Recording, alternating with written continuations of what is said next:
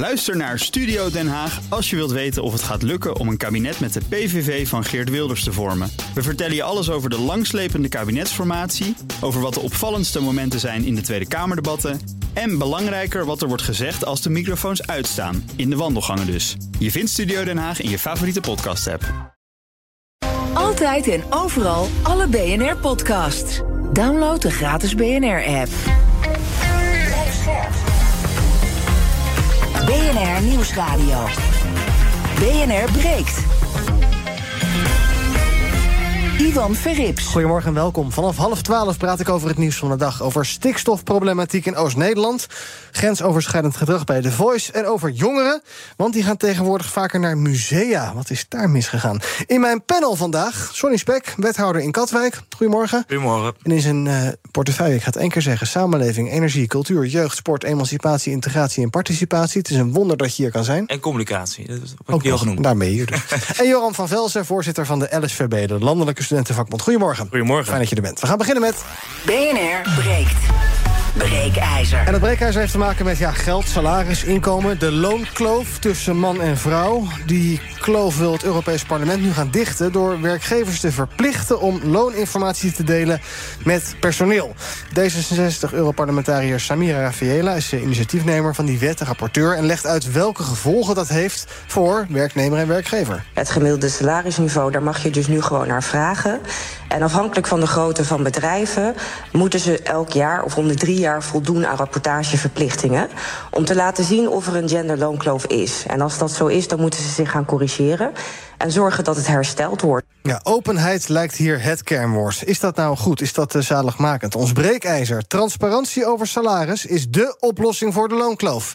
Ben heel benieuwd hoe jij erover denkt. Ben je het er mee eens of oneens? Pak je telefoon en bel naar 020 468 4x0... Dus 020 468 4x0. Als je niet wil bellen, maar wel wil stemmen... kan het via de stories van BNR Nieuwsradio op Instagram. Maar ik vind het leukst als je even belt, want dan spreek ik je zo in de uitzending. 020 468 4x0. Breekijzer dus. Transparantie over salaris is dé oplossing voor de loonkloof. Zometeen hoor je hoe mijn twee panelleden erover denken. Maar ik begin bij Raymond Welmers. Hij is beloning-expert en partner bij PwC. Goedemorgen. Goedemorgen. Transparantie over salaris is dé oplossing voor de loonkloof. Wat denk jij? Um, ten dele. Mm -hmm. Ten dele.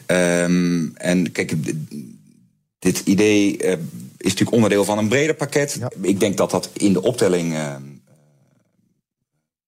heel effectief zou kunnen zijn. Mm -hmm. Puur transparantie, ja, daar zit wat mij betreft wel wat haak aan ogen aan. Hè. Dus twee dingen. Het gaat over die pay gap en richt het name op gender. Ja, er zijn natuurlijk nog wel wat andere dimensies die ook daarbij betrokken zouden moeten worden. Denk aan afkomst of denk aan verschil tussen part-time en fulltime. Mm -hmm. Dus dat is één aspect. Het andere is, um, die transparantie. Ja, da daar kunnen ook wel wat dingen aan vastzitten. Um, even als voorbeeld, een aantal jaar geleden is, is voor beursfondsen verplicht gesteld... om uh, beloningsniveaus van de van directies te publiceren. Ja.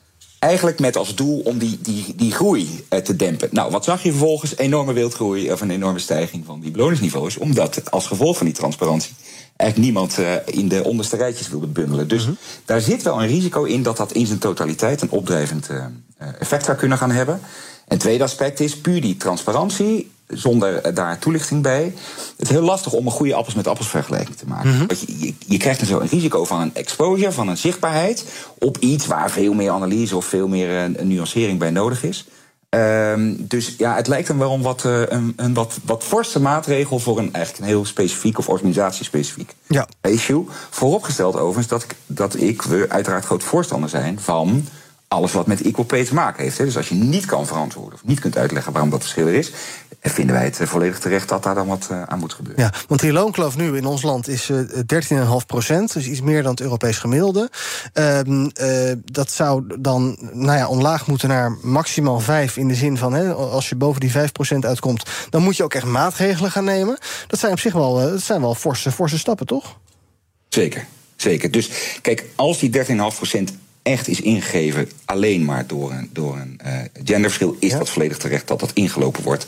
Het lastige is alleen dat daar vaak onderliggende oorzaken onder liggen, zoals uh, ervaring of type werk, ja. of een risicoprofiel die uh, niet zozeer met gender sa samenhangen, maar met, nou ja, nogmaals, met het, met het type werk. Dus ja. daar is, en, en, dat weten we ook uit werk wat we voor organisaties doen, daar is vaak wel een, een, nuancering op te plaatsen. Mm. Anders dan alleen, hé, hey, wat is nou het gemiddelde salaris van een man versus vrouw in een vergelijkbare functie. Ja, dus want- daar handle with care, zouden we En zeggen. waar ook niet voor, voor wordt eh, gecorrigeerd... is dat vrouwen nou simpelweg ja, ondervertegenwoordigd zijn... in functies met hogere salarissen, toch? Zo moet je ook nog Ja, het is natuurlijk een beetje kip-ei discussie, hè? Maar ehm, ja, andere eh, items, bijvoorbeeld, bijvoorbeeld ervaring of het functionele gebied, Ja. ja. dat maakt toch echt een verschil. Hè? Dus je ziet prototypisch natuurlijk wel dat eh, eh, mannen wat overtegenwoordigd zijn in de meer eh, analytisch functionele gebieden. Ja, daar is een krapte op. Dat heeft niet zozeer met, met gender te maken, maar met schaarste. Nou, dat heeft een opdrijvend effect. En dan zou je kunnen zeggen: hey, hangt dat nou aan dat, eh, aan dat genderaspect vast? Wat ons betreft niet. Dat heeft met arbeidsmarktschaarste te maken. Dus zo zijn er eigenlijk steeds wel nuanceringen of eh, aanvullende analyse nodig om echt te duiden: gaat het hier nou over geslacht in isolatie of is hier iets anders aan de hand? Raymond, blijf bij me, dan gaan we zo meteen nog eh, wat verder de diepte in. Rondje mijn panel. Joram, transparantie over salaris is dé oplossing voor de loonkloof. Ja, de oplossing denk ik eh, helaas niet. Ik denk dat het wel eh, heel goed kan bijdragen aan een betere oplossing. Ehm, ja, de realiteit is dat die loonkloof er is. Die moeten we natuurlijk gewoon aanpakken. Ik denk dat er nog steeds op veel werkvloeren ook gewoon een taboe heerst over salaris. Ja. Over, een, over je inkomen wat je hebt. En ik denk dat het heel goed is als er meer transparantie over is. Ja, waarom is dat eigenlijk erg dat dat een taboe is? Waarom zou je moeten delen wat iedereen verdient? Nou, ik denk dat Had het, niks aan? dat, dat wat, wat eh, dat kan stimuleren is dat eh, nou, één iemand meer verdient dan een ander, maar dat is niet bespreekbaar. Mhm. Daar heb je het niet over. Nou ja, dan is dat rechtvaardig dan. Als je daar meer zicht op hebt, dan kan je ook eh, gezamenlijk richting je werkgever zeggen: Nou, kom op jongens, dit moet, dit moet gewoon gelijkwaardig Ja, en wat vinden wij acceptabele verschillen? Hoe beloon je verschillen in presteren? Misschien ook een Ja, je hebt veel meer een gesprek ook over, over salaris. Sonny, transparantie over salaris is dé oplossing voor de loonkloof? Ja, ik vind het een eh, interessant eh, voorstel. Maar wat eigenlijk ook de expert zegt, er zijn heel veel eh, nuanceringen te plaatsen. En ehm, ik ben niet een expert op het gebied van arbeidsmarkt of de loonkloof. Maar daarom kijk ik ook wat meer naar de uitvoerbaarheid. En dan vind ik het heel erg interessant dat eigenlijk de Europese Commissie eh, met een voorstel komt eh, om dit te gaan regelen. Terwijl volgens mij is het juist een onderwerp wat je per land moet bekijken hoe je dit het beste aan kan pakken. hè. Alle arbeidsmarkten zijn ook weer eh, verschillend. Het gaat net over het opdrijvend effect. Ja, misschien willen landen daar ook wel weer een andere afweging in maken. Dus dat vind ik bijzonder dat dat eigenlijk heel hoog over wordt ingespeeld. Ja. Terwijl juist je goed moet kijken van wat is wel niet passend. En daarnaast dan, ja, hoe gaat dat dan er in de praktijk uitzien? Hè? Want dat brengt ook natuurlijk administratieve lasten met zich mee. Eh, voor grotere bedrijven, daar hebben ze wel een onderscheid in gemaakt. Maar ja, als het dan niet goed wordt, goed wordt geregeld, wie gaat dat dan controleren? Wanneer ga je boetes eh, uitschrijven? Want dat is nu opgenomen in het voorstel. Ja, daar zijn heel veel kanttekeningen te plaatsen hoe dat gaat rondom de uitvoerbaarheid. Ook van eh, waar zitten precies die verschillen tussen eh, personen op de werkvloer? Als het gaat over ervaring, eh, het risicoprofiel bijvoorbeeld, wat zojuist terecht werd aangegeven. Ja, daar heb ik eigenlijk nog geen antwoord op zien komen. Dus ik denk dat dit vooral eh, ja, een school hagel is eigenlijk. Terwijl het doel eh, goed is, hè, want je wil ook eh, discriminatie en onterechte ongelijkheid ook voorkomen. Ja. Maar of dit in de praktijk gaat helpen, ja, dat moet echt nog veel verder worden uitgewerkt. Ja. En dan loop je tegen heel veel ja, ehm, zandbanken aan, om Ja. zo maar te zeggen. Jij werkt in de publieke sector, dan is je salaris eigenlijk openbaar. Mensen kunnen zo opzoeken wat jij verdient. Vind je dat soms ongemakkelijk of niet? Nee, nee, nee, nee, nee. Ik, ik vind het juist, eh, als mensen het vragen, dan zeg ik het ook gewoon. Ja. Want eh, je hebt een publieke functie. je staat ook in die zin in de spotlight. Mhm. Dus ja, ik ben er altijd gewoon heel open en, eh, en eerlijk over. Ja. Ik denk ook dat dat goed is. Het taak ook gewoon gemeenschapsgeld. Ehm, en eh, ja, ik hoop dat ik het een beetje waard ben. Ja, dat hoop ik ook. Ehm, eh, even kijken naar een eh, beller. Jan, goedemorgen. Goedemorgen, Ivan. Ik eh, ben het niet eens met de stelling. En dat komt omdat ik eigenlijk vind dat primair ehm, eh, de afspraak, de loonafspraak, eh, iets is privé tussen een werkgever en de individuele werknemer. Mhm. Mits er geen CAO aan uh, ten grondslag ligt natuurlijk, dan ligt het anders. Ja. En ja, ik denk dat het ook niks gaat bijdragen om hiermee een loonkloof weg te nemen. Dat kun je beter in een CAO oppakken. En bovendien denk ik dat de Europese Commissie zich met dit soort zaken helemaal niet moet bemoeien. Ik vind dat toch een beetje ja, bijna richting micromanagement gaan. Laat de Europese Commissie zich eerst eens druk maken over uh, het gelijktrekken van brandstofprijzen en energiebelastingen. Hm. Lijkt me verstandiger. Er zijn wel belangrijke dingen te doen. Dankjewel voor het bellen. Jan, ons breekijzer. Transparantie over salaris is de oplossing voor de loonkloof. Als je wil reageren, 020 468 4 keer 0 Nu bellen kom je zo in de uitzending. Ja, Raymond, een paar dingen die we gehoord hebben. Interessant. Uh, je hebt natuurlijk inderdaad bij, bij werkenden heb je mensen die uh, onder een CAO werken, zoals ik. Mm -hmm. Je hebt mensen die zijn freelancer, dus die maken ja, hele andere afspraken. Uh, je hebt ja. in, in, de publieke sector, nee, je, hebt, je hebt van alles en nog wat. Kan je dat eigenlijk wel op één hoop vegen en er dan een rapportje van maken en dan zeggen: dit is hoe loon bij ons verdeeld is? Ja. Nee, het is een heel terecht punt, Ivan. Um, kijk, Um, het is een wat draconische maatregel, hè, door te zeggen... nou, die transparantie is dat soort silver bullet om die, die, die loonkloof te dichten. Vooral ook omdat uh, uh, die loonkloof, nogmaals, die richt zich nu op gender. Ja. Maar stel dat, dat het gevolg van is dat, dat dat dicht... ja, dan zijn er nog wel een aantal andere dimensies te, te vinden waar dat ook zou kunnen. Mm -hmm. Dus dat ten eerste. En de tweede is, en dat sluit denk ik wel heel erg aan bij um, net de reactie van deze luisteraar... Het is natuurlijk primair iets wat binnen een specifieke onderneming speelt. En het, kijk, het goede aan dit voorstel vind ik ook dat daar een rol van bijvoorbeeld een ondernemingsraad of een vakbond uh, bij komt kijken. Dus ga nou maar eens eerst aan die groep uitleggen hoe, uh, hoe die, uh, die gelijkheid in beloning eruit ziet. En ook op dat niveau daar een, daar een verantwoordelijkheid neer, neerleggen. Want dat is natuurlijk primair de plek waar dat soort afspraken gemaakt kunnen worden. En ik kan me heel goed voorstellen dat je met regelgeving een stok achter de deur in, in, termen van boetes of anderszins. Mm -hmm. Maar publiceren aan zich, transparantie aan zich, ik ben ervan overtuigd dat dat bijeffecten heeft die echt helemaal niet uh, bijdragen aan die, uh, aan die oplossing. Al was het alleen maar dat bedrijven heel bang gaan zijn voor het exposure-risico, ja. terecht of onterecht. Hè. Ja. Dus ja, ik vind het een wat zwaar middel voor het, voor het beoogde doel. Ja. Joram hier zei net dat er best wel een taboe op praten over loon. nou, dat zullen denk ik mensen best wel voelen. Is dat, dat is natuurlijk een cultureel bepaald ding. Waarom vinden we het eigenlijk allemaal zo moeilijk met elkaar? Kijk, ik denk dat dat ook wel per, uh, zeker in Europa, per regio verschilt. Hè. Dus een, een, Brit is veel comfortabeler om over salaris te praten dan een Duitser of een Nederlander. Mm-hmm. Ik denk dat je ervan uit moet gaan, ook in Nederlandse ondernemingen, dat er een grote mate van transparantie is onderling tussen collega's over, uh, over beloningsniveaus. Dus het gaat met name, denk ik, over het punt als je mensen vanuit de arbeidsmarkt naar je, naar, naar je toe trekt. Mm-hmm. Uh, uh, want die hebben dat gesprek nog niet gehad met hun collega's. Dat daar uh, duidelijkheid is over wat kan ik nou verwachten in, in beloning. En daar ben ik ook overigens groot voorstander van. Ik blijf bij het punt dat in, in de grote buitenwereld verkondigen. Ik vraag me af of dat nou heel veel effect gaat sorteren. Maar nogmaals, ik denk dat je als, als werkgever vanuit moet gaan dat collega's onderling praten. Zeker als het over vergelijkbare functies gaat, hè, dus binnen teams.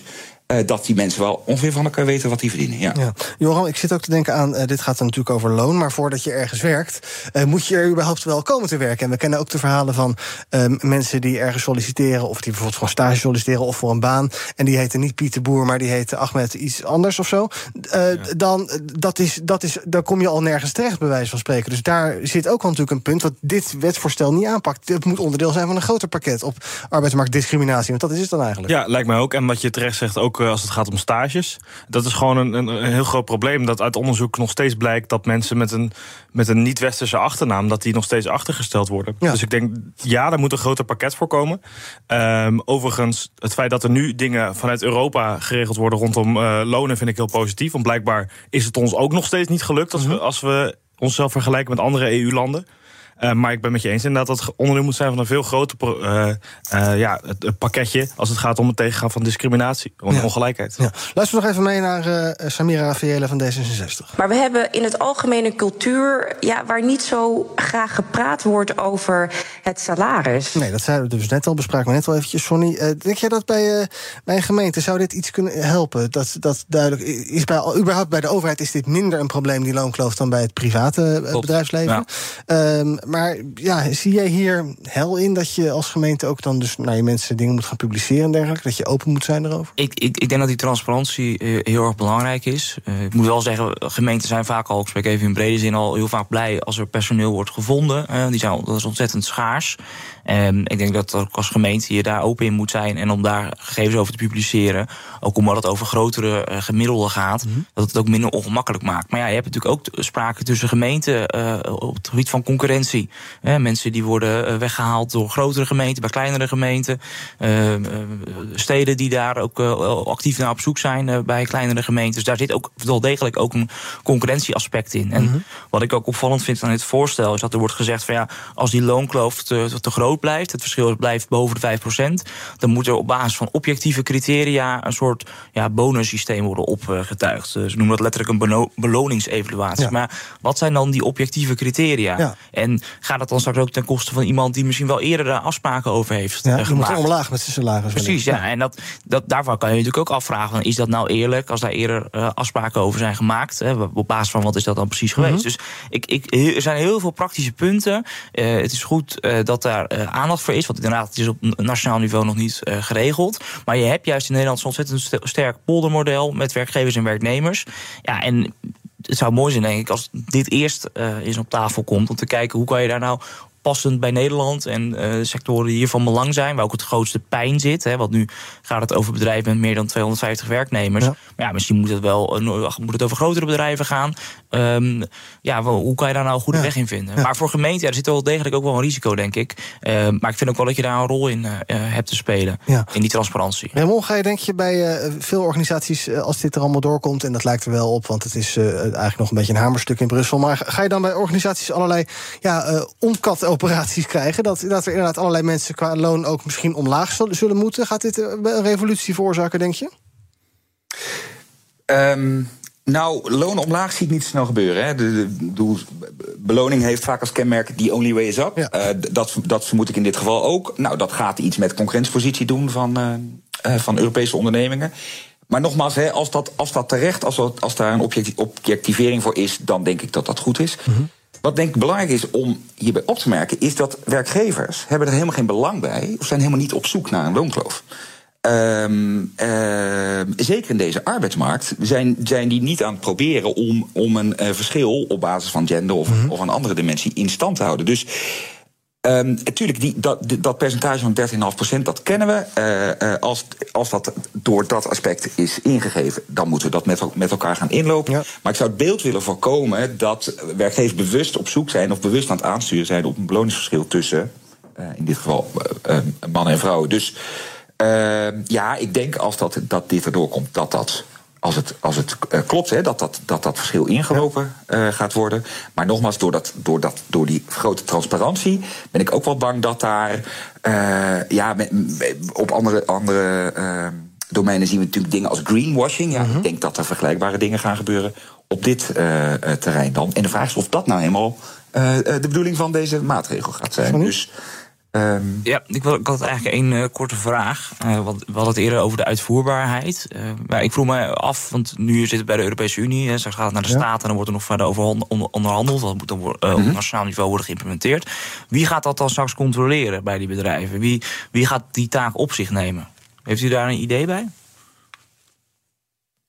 Ehm, nou, laat ik zo zeggen, wat ik de, het meest passende eh, gremium zou vinden, is de, eh, de, de, werknemersvertegenwoordiging. Hè. Dus als een ondernemersraad of eh, vakbonden of vanuit brancheorganisaties, dat daar een grote verantwoordelijkheid komt. Want die kennen die ondernemingen, die kennen die branche en die, die kunnen ook dat, voor, dat soort verschillen duiden. Dus ik zou er geen voorstander van zijn of dat, om dat op nationaal, laat staan op Europees niveau, eh, daar toezicht op te gaan plaatsvinden. Omdat dat eh, het vereist gewoon eh, kennis en inzicht in de specifieke kenmerken van een industrie of zelfs van een specifieke onderneming. Dus ehm, kijk, de Decentraal. rol van OR-bonden is natuurlijk al eh, heel groot op dit punt.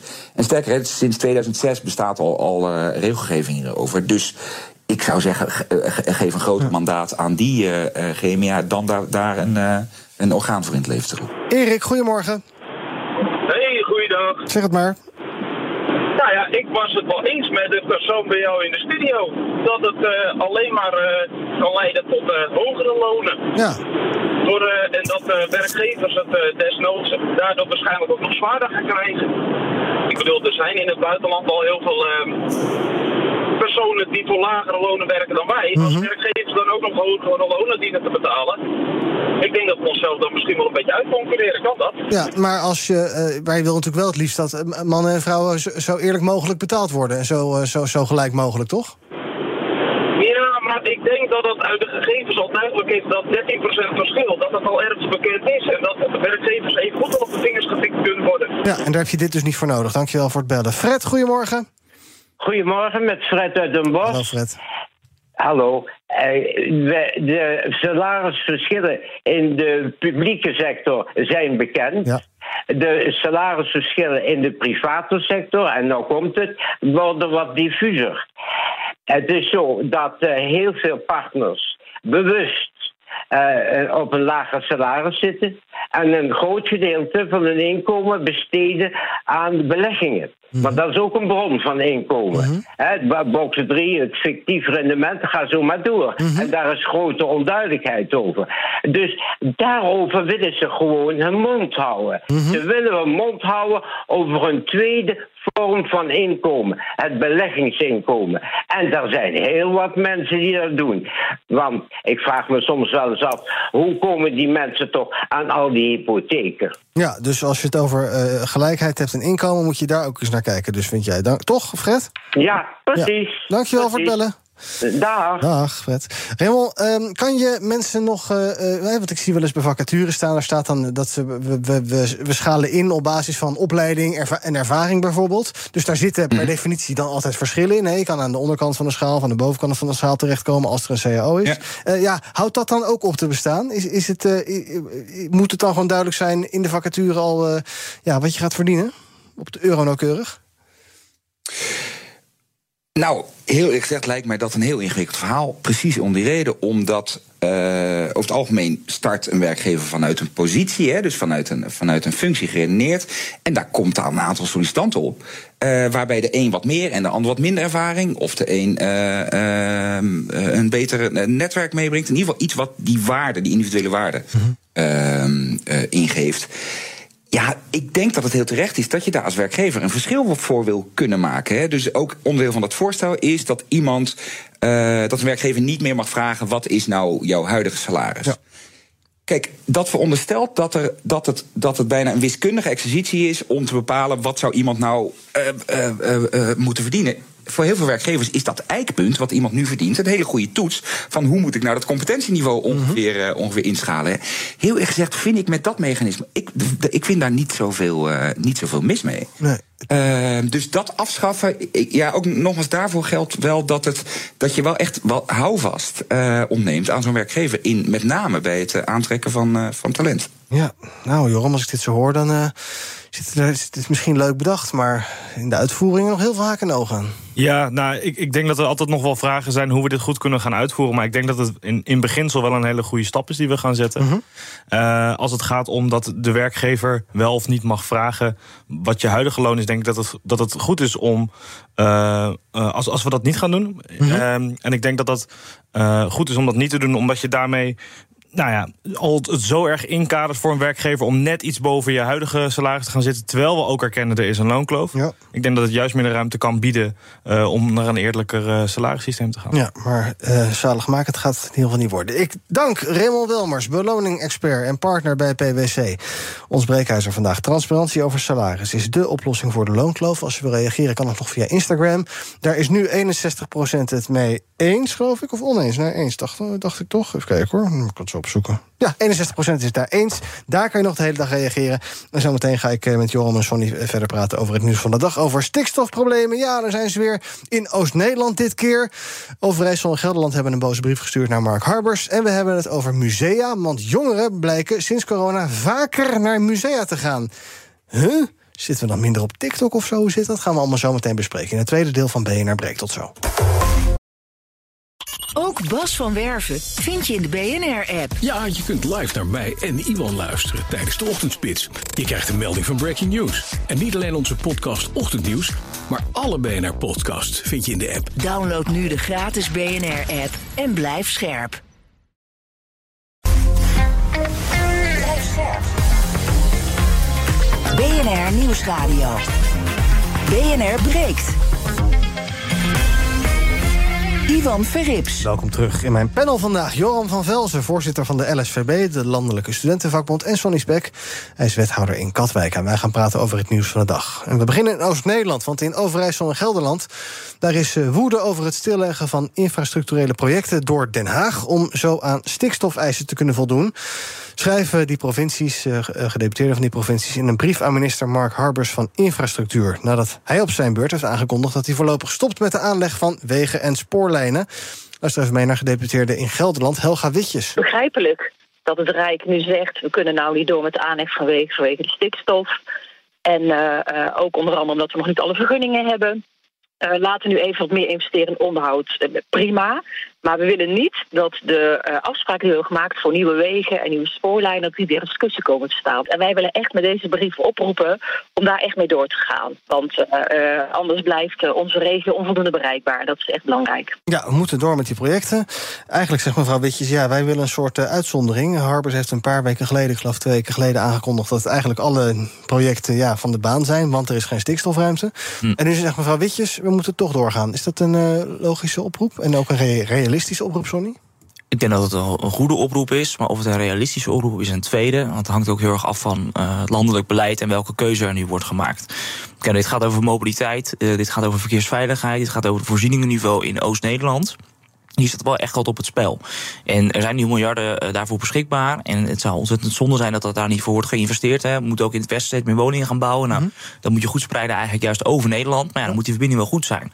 En dat is die op dit moment gewoon niet. Eh, bijvoorbeeld als het gaat over de Lelylijn. En Ehm, op het gebied van stikstof ehm, ja, zie je dat we echt in een soort van uh, fuik aan het zwemmen zijn. Waarin er steeds meer moet worden stilgelegd. Ja, nu gaat het over infrastructuur. Van de week las ik dat er bij een wiel wielrenwedstrijd een, een meet- een matrixbord niet kon worden geplaatst. Het zijn kleine dingen. Maar dat laat wel zien eh, dat de situatie qua wetgeving, zeg ik heel nadrukkelijk, eh, schrijnend is. En hoe ik het zelf zie, is dat we eigenlijk normaal gesproken in de politiek is het een discussie van waarde. Weet je wel, poli- eh, persoon A zegt we moeten meer investeren in infrastructuur. En persoon B zegt we moeten meer doen om stikstof te reduceren. Nou, nu heb je de situatie dat persoon B zegt van ja, eh, rechtelijke uitspraak, punt. Dus we kunnen niet anders. En daardoor is dat hele stikstofdebat eh, is eigenlijk nooit goed van de grond gekomen van welke afweging wil je nou in zijn totaliteit maken om met een logisch pad te komen om eh, in Nederland stikstof te reduceren. Net zoals de afgelopen jaren ook is gedaan. De deur is gewoon gelijk dichtgegooid. Is gelijk dichtgegooid. Ja, daar, daar zie je nu dat, dat, dat we daarin volledig vastlopen. En daar maak ik me wel heel veel zorgen over. Ja. dat, dat lijkt niet een makkelijke oplossing te zijn, maar ook omdat we onszelf daarin hebben ge- gebracht. Ja, terwijl We horen nu wel eh, sinds de overwinning van BBB bij de provinciale statenverkiezingen, horen we opeens ook Rutte over ja, aandacht voor de regio en aandacht voor het platteland en geld voor de regio. Dat was iets waar je hem daarvoor niet zo heel veel over hoorde. Ja. Ehm, ja, dan is dit natuurlijk ook niet zo'n lekker voorbeeld dat je zegt: oké, we stoppen overal mee. En dat treft dus ook die ja, misschien minder sterke regio's. Ja, ja. Nou ja, Oost-Nederland is al tijdenlang het ondergeschoven kindje als het gaat om infrastructuur.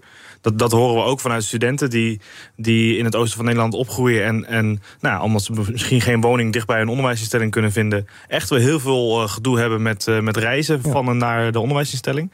Ehm, en tegelijkertijd zitten we gewoon in de realiteit dat we een stikstofprobleem hebben wat we moeten aanpakken. En het gaat heel flauw klinken, maar je kan niet en-en willen. Ehm, dat, dat stikstofprobleem, dat, dat moeten we gewoon adresseren. Dus ook als BBB zo'n grote, grote meerderheid heeft eh, behaald... dan zullen we toch op het gebied van stikstof met oplossing moeten komen. Want er ligt gewoon een rechtelijke uitspraak. Maar dat, mag ik daarop reageren heel kort? Kijk, dat- vind ik dus interessant. Want normaal gesproken bij een politiek vraagstuk... zou je ook in theorie kunnen zeggen... ja, stikstof, het is problematisch, eh, ook voor de natuur. Dat onderschrijf ik ook volledig. Dat zien we ook bij Natura 2000 gebieden. Maar je zou ook een keuze kunnen maken. Nou, we vinden eigenlijk dat er wel wat meer eh, stikstof mag worden uitgestoten... om andere ontwikkelingen mogelijk te maken. Maar omdat nu de rechter, of vanwege Europese wet en regelgeving... daar een stokje voor heeft gestoken, is niet schuld van de rechter... maar dat is waar we eerder akkoord op hebben gegeven. Ja, natuur- en habitatrichtlijnen en Precies, zitten we dergelijke, daarin nu vast. Maar die hele politieke discussie over wat vinden we nou eigenlijk echt belangrijk... die is daar al helemaal door ondermijnd. En dat is ook waarom het draagvlak zo ontzettend eh, eh, laag is voor deze maatregelen. Omdat er nooit een fatsoenlijke discussie is gevoerd op politiek niveau. Want wat, wat vinden we nou eigenlijk echt, wat geven we de prioriteit? Het zou een prioriteit kunnen zijn dat je de natuur geen prioriteit geeft. Ik zeg niet dat je dat moet doen, maar het zou kunnen. En eh, die hele basis hiervoor ontbreekt. Ja, daar eh, zie je ook dat uiteindelijk die polarisatie vandaan gaat komen. En waardoor uiteindelijk de, het hele eh, stikstofverhaal ook door mensen niet meer wordt eh, geaccepteerd. En ook het draagvlak alleen maar minder zal worden. Want nu gaat het over woningen, eh, mobiliteit. Straks gaat het over evenementen bijvoorbeeld. eh, eh, over andere vormen van eh, bebouwing. eh, maatschappelijke voorzieningen. Ja, dat, dat gaan mensen op een gegeven moment niet meer accepteren. Eh, dus ik denk dat je echt helemaal terug moet naar de basis. Eh, om te gaan kijken van ja, hoe kan je wel een pad uitstippelen om te gaan reduceren. Maar wel waarin iedereen een bijdrage Ja. levert. En ook dus z- zicht bieden op betere tijden. Want nu is het verhaal, ja, het kan niet klaar. En we zien wel weer wanneer het kan, want niemand weet ook... Hè, 1, 1 juli is er een soort deadline voor de provincies... die moeten een plan hebben ingeleverd. Ja, wanneer dan wel? Geen idee.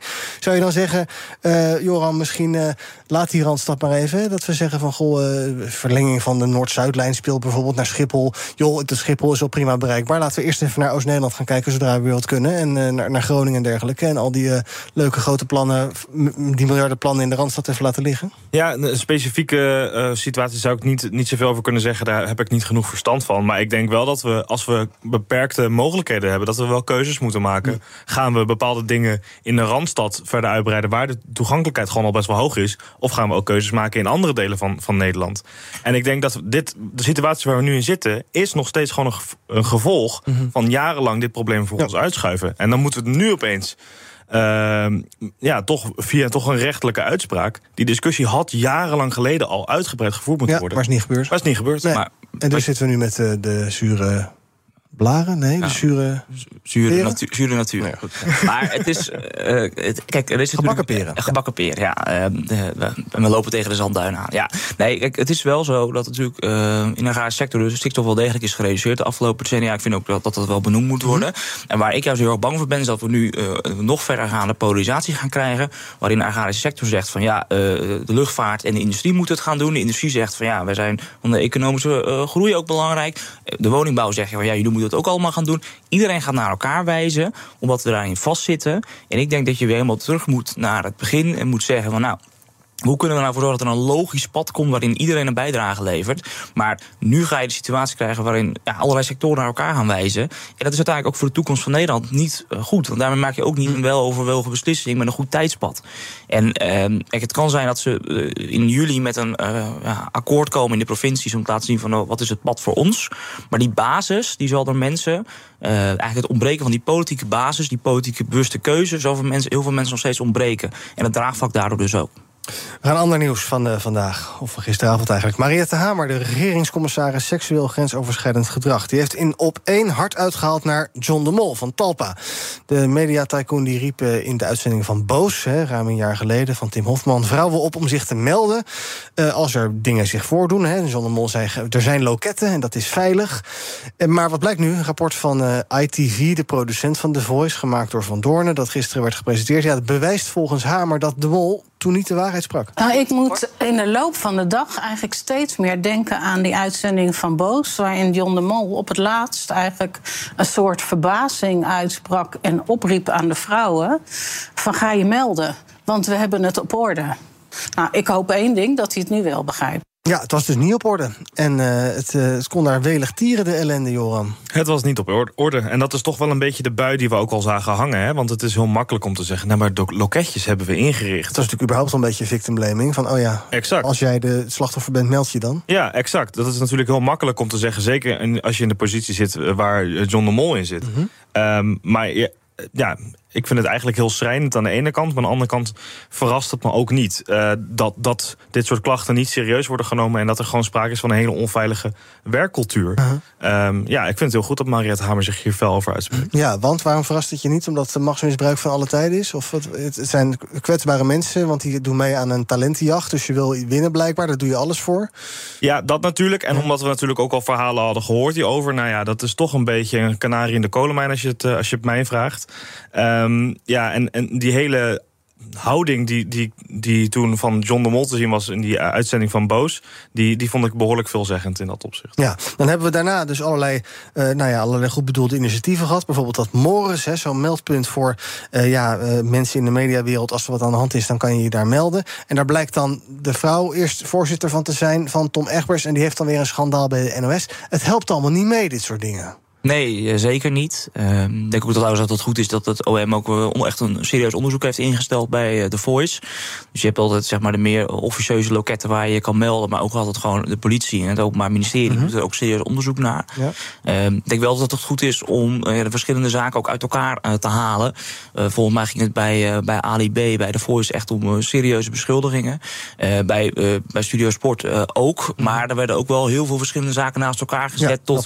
Tot, tot, ja, tot tot, tot onrust op de redactie, tot uh, intimidatie, tot vreemdgaan. Ja, dat, dat, dat maakt het ook wel een stuk diffuser en ook ingewikkelder om daar wat over te zeggen. Mm -hmm. want dan zit je ook bij sommige onderwerpen in een grijs gebied. Niet bij alles, maar bij sommige onderwerpen.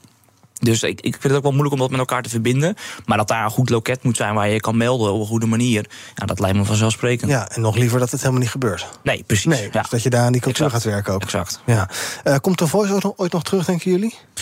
Nou, ik hoop het niet, maar dat heeft ook met andere redenen te maken. Dat je daar geen zak aan vindt? Nee. Nee, ik heb het ook eerlijk gezegd nooit gezien eigenlijk.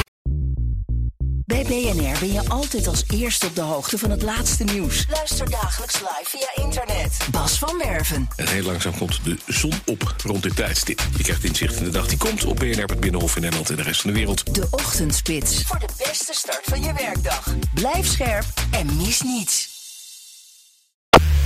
BNR Dan gaan we naar het nieuws van mijn panelleden. Joran, je wilt het hebben over een uh, rechtszaak van UvA-studenten tegen de universiteit. Dan moet je even uitleggen. Wat is er aan de hand? Ja, nou ja, dat is natuurlijk heel mooi als je als uh, voorzitter van een landelijke studentenvakbond een nieuwtje mag inbrengen van een Amsterdamse studentenvakbond. Uh, namelijk ASFA samen met een andere organisatie. Die gaan een zaak starten tegen de Universiteit van Amsterdam.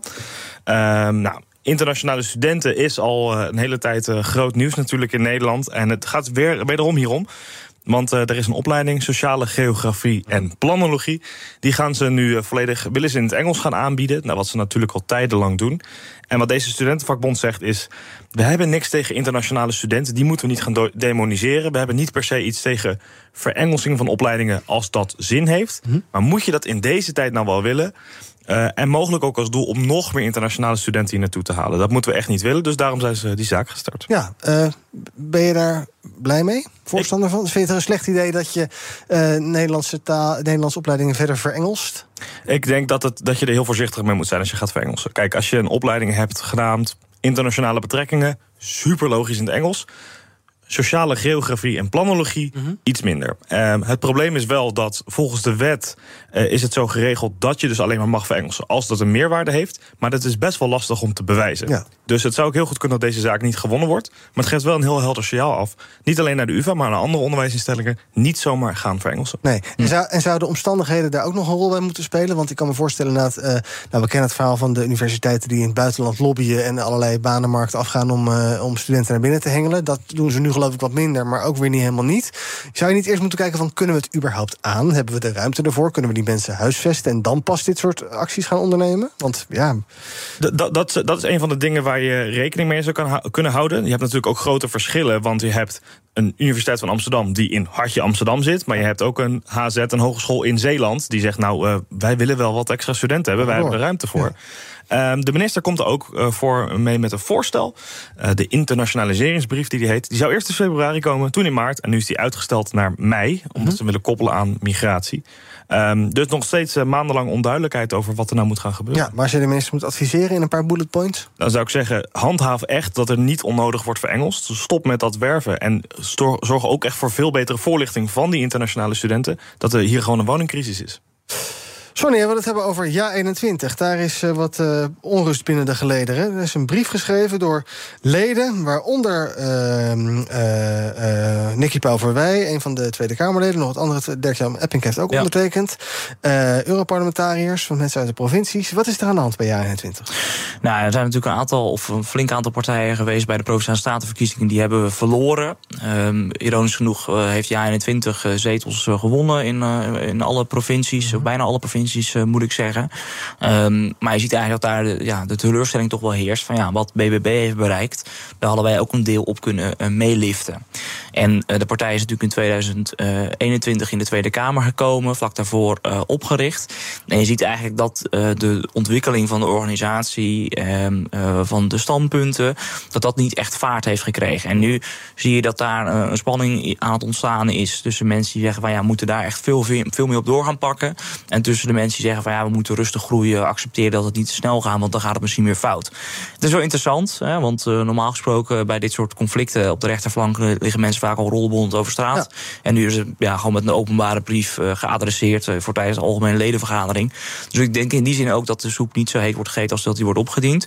Maar het is wel interessant om te zien van ja, waar, hoe gaat zo'n partij, dit, partij zich daar nou in Mhm. herpakken. En het vindt zich ook enigszins af in de schaduw van BBB en natuurlijk de aanstaande kabinetscrisis, die nu al gaande is. Um, dus het is wel interessant om dat te blijven volgen. Uh, ook omdat het nog steeds, uh, denk ik, een potentiële ja, uh, kandidaat is voor de rechterflank. Als ja. alternatief voor misschien BBB als hij straks gaat meebesturen. of de VVD en de, en de PVV die steeds kleiner begint te worden. Ja. Zijn, zijn het dan groeipijnen, denk je? Um, nou, kijk, ik, ik, ik, denk dat ze uh, een, een, hardere scheiding hadden kunnen maken uh, van wat vinden we nou. Mhm. Mm -hmm. Je ziet heel duidelijk dat er een soort PVV-flank is. Je ziet dat er een soort VVD-flank is. En je ziet dat er een soort CDA-SGP-flank is. Je hebt drie flanken, ik weet niet precies of dat past. Maar in ieder geval, je hebt drie stromingen. En als jij zeg maar, qua beginselprogramma, waar ze trouwens ook toe oproepen, dus dat denk ik dat dat heel verstandig is, dat je als je daar niet heel duidelijk in neerzet, wat vinden wij en wat vinden wij vooral niet, mm -hmm. uh, ja, dan kan het zo zijn dat op, op het begin minder mensen zich zullen aansluiten. Hè, want het past niet binnen je, uh, ja, binnen je denkader of ben je het niet mee eens. Maar dan zorg je wel dat je echt uh, stabiele groei hebt. En met mensen waarvan je weet van wij vinden allemaal hetzelfde.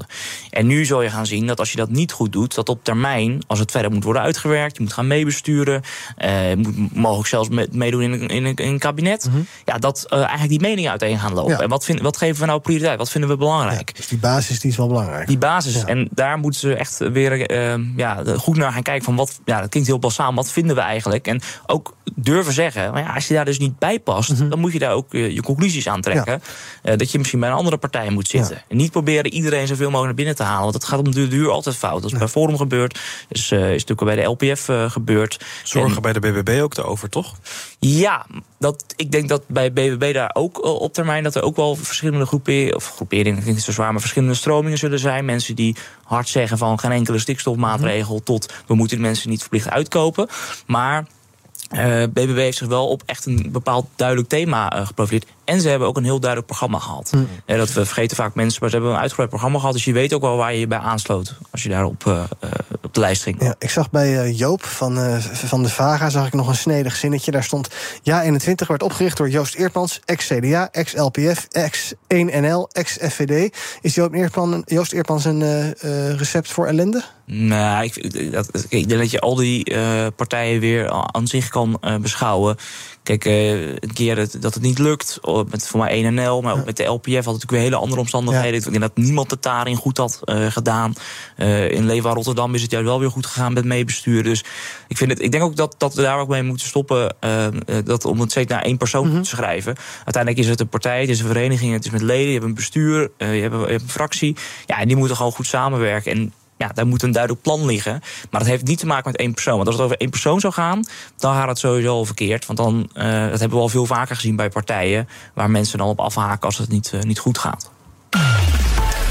Kijken we nog even wat de trending is op de socials. Onder andere hashtag Bo, waarin Aisha Margadi reageert op uitspraken van Tom Egbers en Jack van Gelder. Die twee heren ontnemen namelijk mijn, mijn verhaal en het verhaal van honderden andere mensen. En zeker in die publicatie zo'n 2, 33 anonieme verhalen. Verder nog steeds trending is het uh, uh, Wim de Na een paar dagen na zijn overlijden zien we het nog steeds terugkomen. Hashtag de Wallen, want Amsterdammers uit zowel Noord als Zuid... zijn niet enthousiast over het verplaatsen van de Wallen... en een soort uh, ja, sekscentrum naar een ander deel van de stad. En... Hashtag. Het is een uh, vinding van de Telegraaf. En dat heeft te maken met ja, stroomleveranciers. Van de Bron begint vandaag als een van de grotere leveranciers... met groene stroom die per uur in tarief verschilt. Dus dan kan je... Ja, het ene uur betaal je meer dan het andere. Het uur, een uur, dag van tevoren worden de tarieven gepubliceerd. Dus vind je dat een goed idee? Ik vind het een beetje een eng idee... dat je dan hele dag in de gaten moet houden... wanneer uh, je wel en niet kan gaan wassen... en stofzuigen en koffie drinken. Ja, vanuit duurzaamheid is het natuurlijk wel handig. Maar ik zou het, is het werkbaar? Dat vraag ik me af. Ja, dat is. Nee, dat zal misschien voor per persoon verschillen. Als je niks te doen hebt, dan kan je de hele naar die app kijken. Maar ik denk dat voor veel mensen het een beetje onhandig is. Tot slot, jonge mensen gaan opvallend veel vaker naar musea sinds corona. Ziet de organisatie achter de museumkaart. Oudere bezoekers die zijn juist nog niet allemaal teruggekomen na de coronapandemie. Um, dat is toch wel fascinerend. Wij dachten allemaal, jongeren, dat zijn allemaal van die oppervlakkige types. Die zitten lekker thuis op de bank chips te eten en uh, games te doen. Netflix. Maar die gaan opeens Netflix. Netflix, TikTok enzovoort. Maar die gaat opeens naar musea. Wat, is er aan, wat gaat hier mis in dit land? Ja, ik maak me echt zorgen over deze leidende schaal in Nederland. Uh, ook zeg ik ook als wethouder cultuur. Nee, ja. dat is natuurlijk prachtig. Uh, ik denk ook dat het te maken heeft met, uh, met de coronaperiode. Dat je ja. natuurlijk heel veel binnen zat. En nu dat je ja, ziet dat er ook andere dingen te doen zijn. Mm -hmm. En dat mensen het ook leuk vinden om gewoon weer fysiek bij elkaar te komen. En gewoon een dagje uit te, te plannen. Ik betrap mezelf er ook steeds vaker op dat ik gewoon spelletjes aan het spelen ben s'avonds.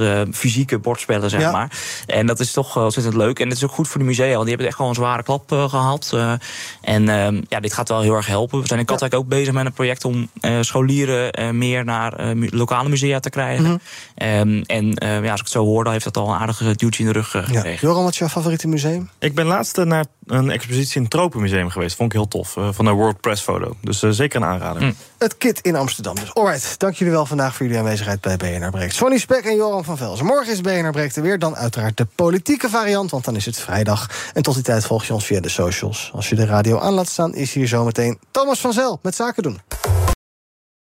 Ook Thomas van Zeil vind je in de BNR-app. Je kunt live naar mij luisteren in Zaken doen. De BNR-app met breaking news, het laatste zakelijke nieuws... en je vindt er alle BNR-podcasts, bijvoorbeeld Het Nieuwe Geld. Download nu de gratis BNR-app en blijf scherp.